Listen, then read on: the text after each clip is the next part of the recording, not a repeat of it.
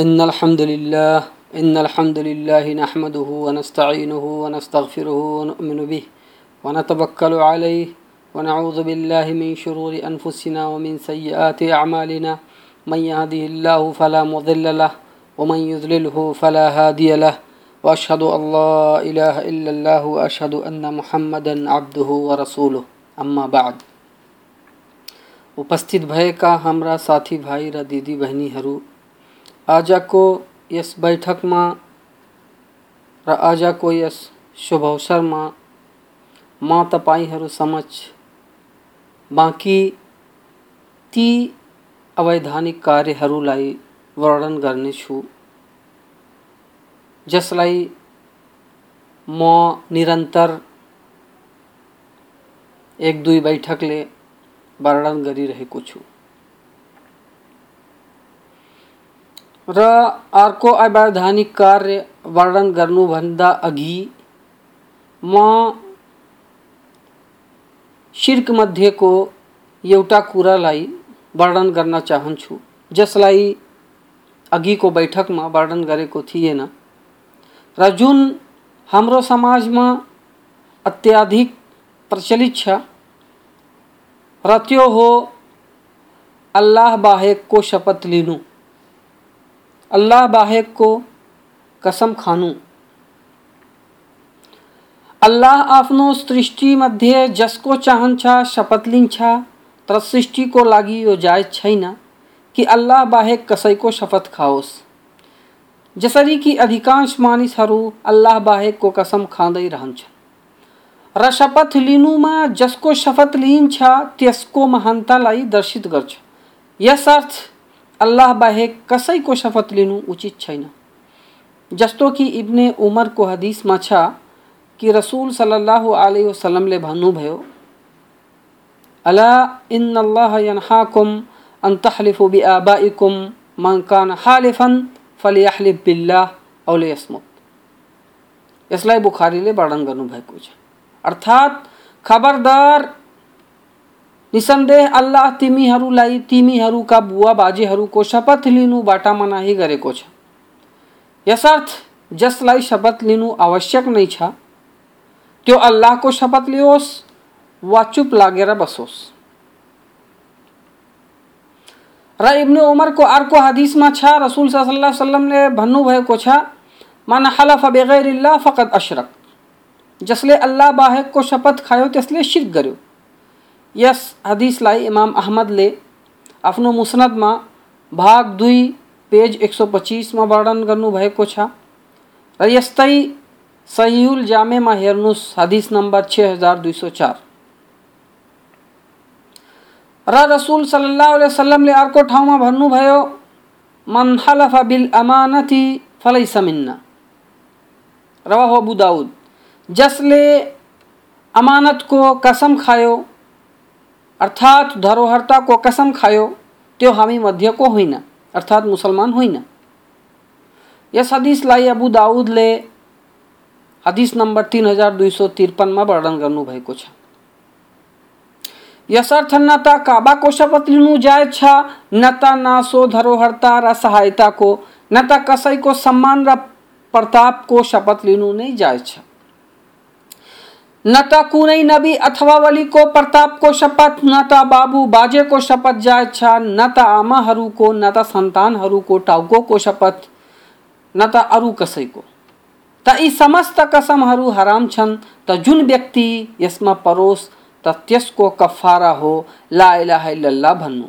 जस्तो कि हदिसमा वर्णित छ, रसुल अलैहि वसल्लमले भन्नुभयो मन हलफ फ़काल फ़ी हलफिही बिल्लात वल उज़्ज़ा फलियकुल ला इलाहा इल्लल्लाह रवाहुल बुखारी जुन मान्छेले शपथ खायो अनि आफ्नो शपथमा भन्यो लात र उज्जाको शपथ अरबका दुई मूर्तिहरूको नाम हो लात र उज्जा त त्यसलाई चाहियो कि ला इलाहा इल्लल्लाह भनोस् यस हदिसलाई बुखारीले वर्णन वर्णन गर्नुभएको छ हेर्नुहोस् फतहुल बारी भाग ग्यारह पेज नंबर पाँच सौ छत्तीस र यसै सन्दर्भमा केही वर्जित र बहुदेववादीय शब्दहरू पनि छन् जसलाई मुसलमानहरू भन्दै रहन्छन् जसरी म अल्लाह र तिम्रो शरण चाहन्छु म अल्लाह र तिमीमाथि भरोसा गरेँ। यो अल्लाह र तिम्रो तर्फबाट हो, मेरो सहायक अल्लाह र तपाईँ हुनुहुन्छ मेरो लागि धरतीमा तपाईँ हुनुहुन्छ र आकाशमा अल्लाह। यदि अल्लाह र फलाना नभएको भए यस्तो यस्तो हुन्थ्यो। हाय समयको विनाश। र ती समस्त वाक्यहरू, जसद्वारा समय र कालचक्रलाई गाली गरिन्छ। जसरी यो अशुभ घडी हो, समय गद्दार छ आदि। यो यस कारण हराम छ, किनकि समय र कालचक्र हामी झैँ एउटा सृष्टि हो। यसर्थ यसलाई गाली गरेमा अल्लाहलाई गाली गरे सरस छ। किनकि अल्लाहले नै त्यस समयलाई चक्रित र गतिशील गरेको छ। यस्तै ती समस्त नामहरू जसद्वारा अल्लाह बाहेकको पूजनीयता र भक्तिलाई बोध गर्छ, जसरी अब्दुल मसीह अब्दुल नबी, अब्दुल रसुल, अब्दुल हुसैन आदि। ती समस्तको कसम लिनु जायज़ छैन र यो नाम राख्नु पनि जायज़ छैन। र यस्तै वर्तमानका केही नवीन र आधुनिक वाक्यहरू पनि जुन एकेश्वरवाद विरुद्ध छन्, जसमध्ये केही निम्न हुन् इश्तराकियतुल इस्लाम अर्थात इस्लाम को समानता, र इस्लाम को गणतंत्र, र संप्रदाय को चाहना अल्लाह को चाहना हो, र धर्म अल्लाह को, र देश सबै को हो, संप्रदाय को नाममा, र प्रतिकार को नाम नाममा आदि। यस्तै वर्जित शब्दहरूमध्ये राजाहरूको लागि महाराजा राजाहरूको राजा जस्ता शब्द र वाक्यहरू पनि प्रयोग गर्नु हो। जसरी कुनै मानवको लागि न्यायकर्ताहरूको न्यायकर्ता वाक्यको प्रयोग गर्नु र यस्तै कसैको लागि सैयद स्वामी शब्द प्रयोग गर्नु वा जुन जुन शब्द यस अर्थलाई बोध गरोस्, त्यसलाई कुनै मानवको लागि प्रयोग गर्नु र यी शब्द र वाक्यहरू चाहे अरबी भाषामा प्रयोग गरियोस् वा कुनै अरू भाषामा सबैको हुकुम एकनाश छ। यस्तै यदि शब्दको प्रयोग जुन पछुतो आकांक्षा र अफसोचको अर्थलाई बोध गर्छ र शैतानको कौतूहलताको मार्गलाई खोल्दछ, जसरी यो भन्नु कि, हे अल्लाह, यदि तिमी चाह त मलाई क्षमा गरिदेऊ र यदि यसबारे अधिक जानकारी चाहिन्छ भने हेर्नुहोस् मुअजमुल मनाहिल लफ्जिया लेखक बकर अबू जैद। र यस्तै यी कार्यहरूमध्ये अर्थात् अवैधानिक कार्यहरूमध्ये कपटी र कुकर्मीहरूसित परिचय प्राप्त गर्नुको लागि वा उनीलाई आफ्नो परिचय दिनुको लागि उनीसित मिलेर बस्नु पनि हो। कतिपय मानुस, मानिसहरू जानी बुझिकन पापी, कुकर्मी र दोषी अपराधीहरूसँग बस्छन्। र उनीहरूसित व्यवहार बढाउँछन्, बरु कहिलेकाहीँ यस्ता मान्छेहरूसँग बस्छन् जुन अल्लाहको धर्ममाथि टिप्पणी गर्छन्। र त्यसका निर्देशन र विधान एवं मित्रहरूको उपहास गर्छन्। त यी यस्ता कार्यहरू हुन् जुन निसन्देह वर्जित छन् र यी आस्थालाई अपूर्ण र कलङ्कित र विकारयुक्त गरिदिन्छन्। जस्तो कि अल्लाहको फरमान छ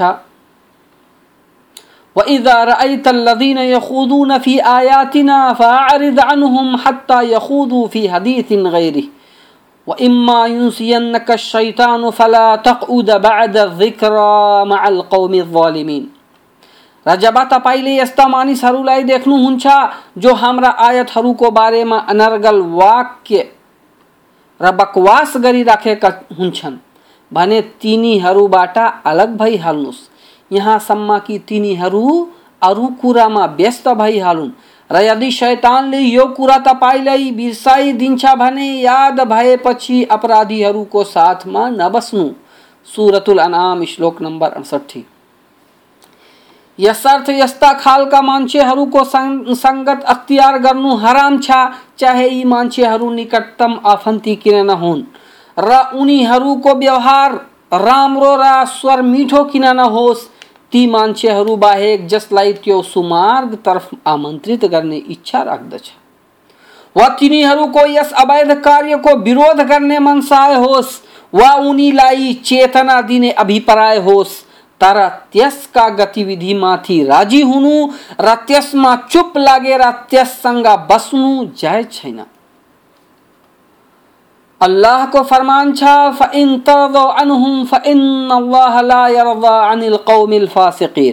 यदि तपाईँ उनीसँग खुसी भए पनि, अल्लाह कदापि यस्ता फासिक अवज्ञाकारी मान्छेहरूसँग खुसी हुँदैन। सुरत तौबा, श्लोक नम्बर छियानब्बे यस्तै यी अवैधानिक कार्यहरूमध्ये नमाजमा शान्ति श्रद्धालाई त्याग्नु पनि हो।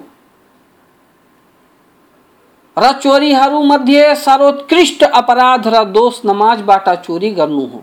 रसूल सल्लल्लाहु अलैहि वसल्लम को फरमान छ चोरहरूमध्ये सबैभन्दा नराम्रो चोर त्यो हो जुन आफ्नो नमाजबाट चोरी गरोस्। त सहाबाले भने, हे अल्लाहका रसुल, मान्छे आफ्नो नमाजबाट कसरी चोरी गर्छ? त उहाँ सल्लल्लाहु अलैहि वसल्लमले भन्नुभयो, यो यसरी कि त्यो आफ्नो नमाजको रुकु र ढोगलाई पूर्ण तरिकाले गर्दैन। यस हदिसलाई इमाम अहमदले मुस्लदमा वर्णन छ, भाग पाँच, पेज नम्बर तिन सौ दस। अब चाहे मान्छे आफ्नो पिठ्युलाई रुकु अथवा ढोक गर्दा राम्ररी नझुकाओस् वा त्यसबाट उठ्दा राम्ररी सोझो नपारोस् वा दुवै ढोक बीच बस्दा शान्तिको साथ नबसोस् आदि। त यी सबैलाई त्याग्नु यसको चोरीमा नै आउँछ र यसमा अधिकांश नमाजीहरू लिप्त देखिन्छन्। बरु यस्तो कुनै मस्जिद हुँदैन कि जसमा यसको उदाहरण नमिलोस् र शान्ति नमाजको आधारहरूमध्ये एउटा आधार हो जसलाई नगरिकन नमाज़ पूर्ण हुँदैन र शान्तिलाई त्याग्नु अति घातक कुरो हो किनकि रसुलुल्लाह सल्लल्लाहु अलैहि वसल्लमको फरमान छ ला तुजजिउ सलातु रजुलिन हत्ता युकीम ज़हरहु फिर रुकू वसुजूद अर्थात मान्छेको नमाज़ तबसम्म अपूर्ण नै रहन्छ जबसम्म त्यो आफ्नो पिठ्युलाई रुकु र ढोक गर्दा राम्ररी सोझो र बराबर नगरोस् यस हदिसलाई अबु दाउदले वर्णन गर्नुभएको छ, भाग एक, पेज पाँच सौ तैतिस। र यसमा कुनै सन्देह छैन कि यो अमान्य र नराम्रो कार्य हो, जसलाई गरेमा मान्छेलाई सावधान गरिन्छ। र अबु अब्दुल्लाह अल अशरी द्वारा वर्णित छ कि सल्ला रसूलुल्लाह सल्लल्लाहु अलैहि वसल्लम बि अस्हाबिही थुम्मा जलस फी ताइफतिन मिनहुम फदखल रजुल फकाम युसल्ली फजअल यरका व यनकुरु फी सुजूदिही फकाल नबी सल्लल्लाहु अलैहि वसल्लम अतरउन हादा मम्मात अला हादा मात अला गैर मिल्लत मुहम्मदिन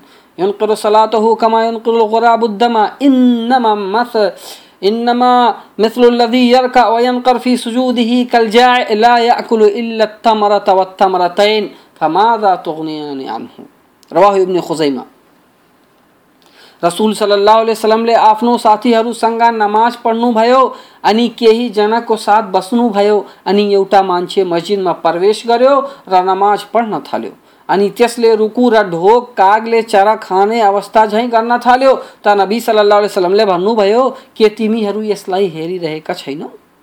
जुन व्यक्ति पनि यसै जस्तो नमाज पढ्यो अनि त्यसको मृत्यु त्यसैमा भयो भने त्यो मुहम्मदको धर्ममा मरेन। किनकि त्यो नमाजमा यसरी चोच मारिरहेको छ जसरी काग रगतमाथि चोच मार्छ।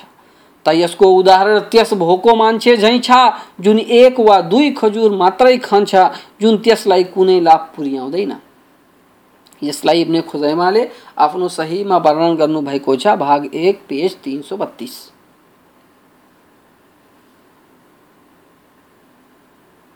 र यस्तै जयद बिन वहाबको वर्णन छ कि हुजैफाले एउटा मान्छेलाई हेर्नुभयो जुन रुकु र ढोगलाई पूर्ण रूपले गरिरहेको थिएन।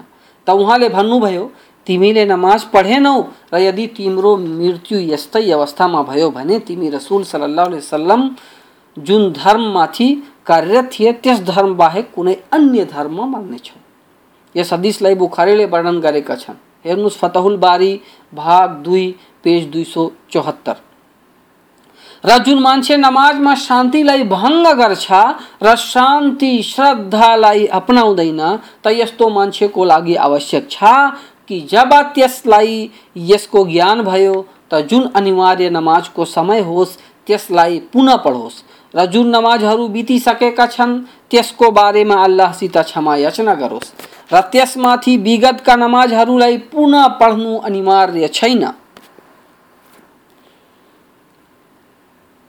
पुनः पढ्नु अनिवार्य छैन, जस्तो कि यसमाथि त्यो हदिस प्रमाणीकरण गर्छ जसमा रसूल रसुल सल्लाह वसलमले भनेका थिए, फेरि गएर नमाज़ पढ, किनकि तिमीले नमाज़ पढेनौ। यस्तै नमाजमा अनावश्यक हिलडुल गर्नु परि यसैमा आउँछ। अर्थात् अवैधानिक कार्यहरूमा आउँछ। अनावश्यक हिलडुल गर्नुको रोग अधिकांश नमाजीहरूलाई लागेको हुन्छ। र जुन मानिसहरू पनि यस्तो गरिरहेका छन्, उनी सबै अल्लाहको यस फरमानको अनुपालन गरिरहेका छैनन्। वकुमुलिल्लाह कानिथिन र अल्लाहको अगाडि श्रद्धा अदरको साथ उभिने गर। सुरतुल बकरा, श्लोक नम्बर दुई सौ अडतिस। न त अल्लाहको यस कथनलाई नै बुझ्दछन्। कद अफलहल मुमिनुन अल्लज़ीन हुम फ़ी सलातिहिम खाशिऊन। निसन्देह इमानवालाहरू सफल भइहाले जसले आफ्नो नमाजमा विनम्रता अपनाउँछन्। सुरतुल मुमिनुन श्लोक नम्बर एक र दुई।